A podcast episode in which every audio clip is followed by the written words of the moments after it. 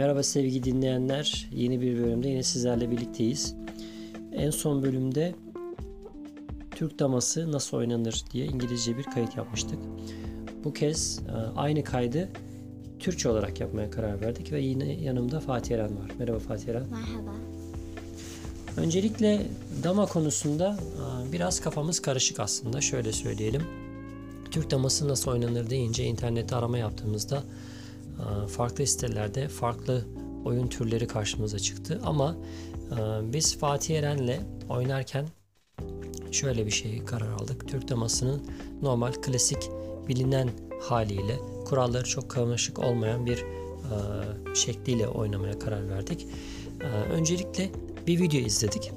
Bu videoda tavla setinden, tavla taşlarından dama nasıl oynanır diye gösteriyordu.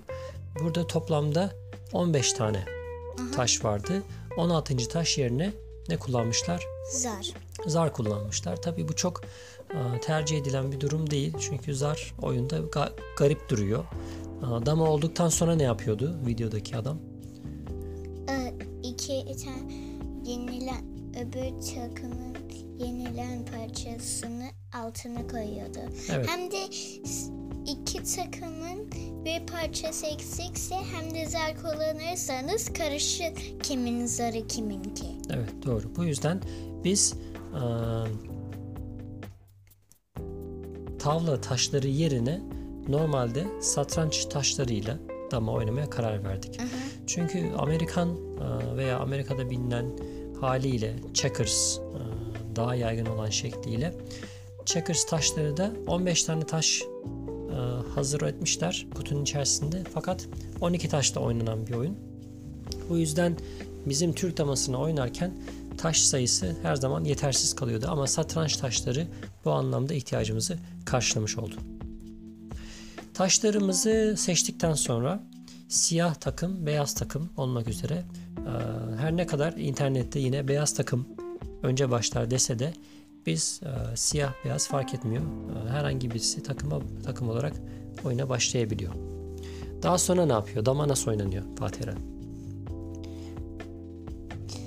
Ee, parça en arka taraf arka taraf empty olması gerek. Hiç parçalarınızı arka tarafa koymayacaksınız. Evet ilk en aşağısı ve en yukarısı tahtanın boş oluyor. Hem de iki tane yer olması gerek parçalarınızın.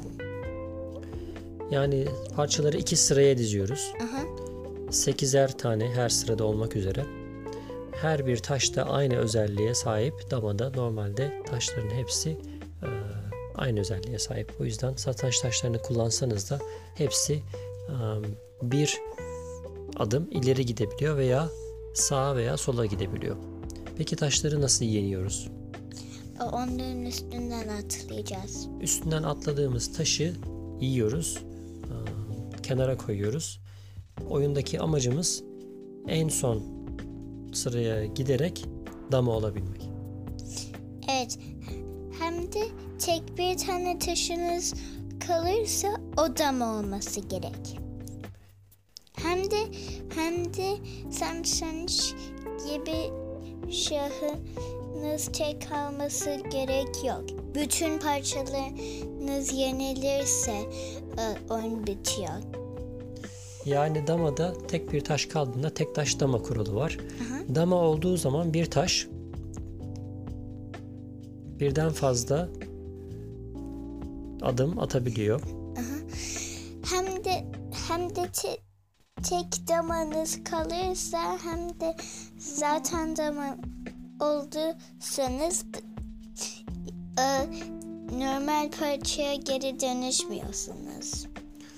Tek taş dama kaldığınızda eğer karşıdaki oyuncunun çok fazla taşı yoksa yine yenme şansınız olabilir ama karşıdaki oyuncu birden fazla taşa sahipse tek taş dama olsanız dahi yenmeniz zor olabilir aslında. Evet ben babamı hep yeniyordum tek taş damayla.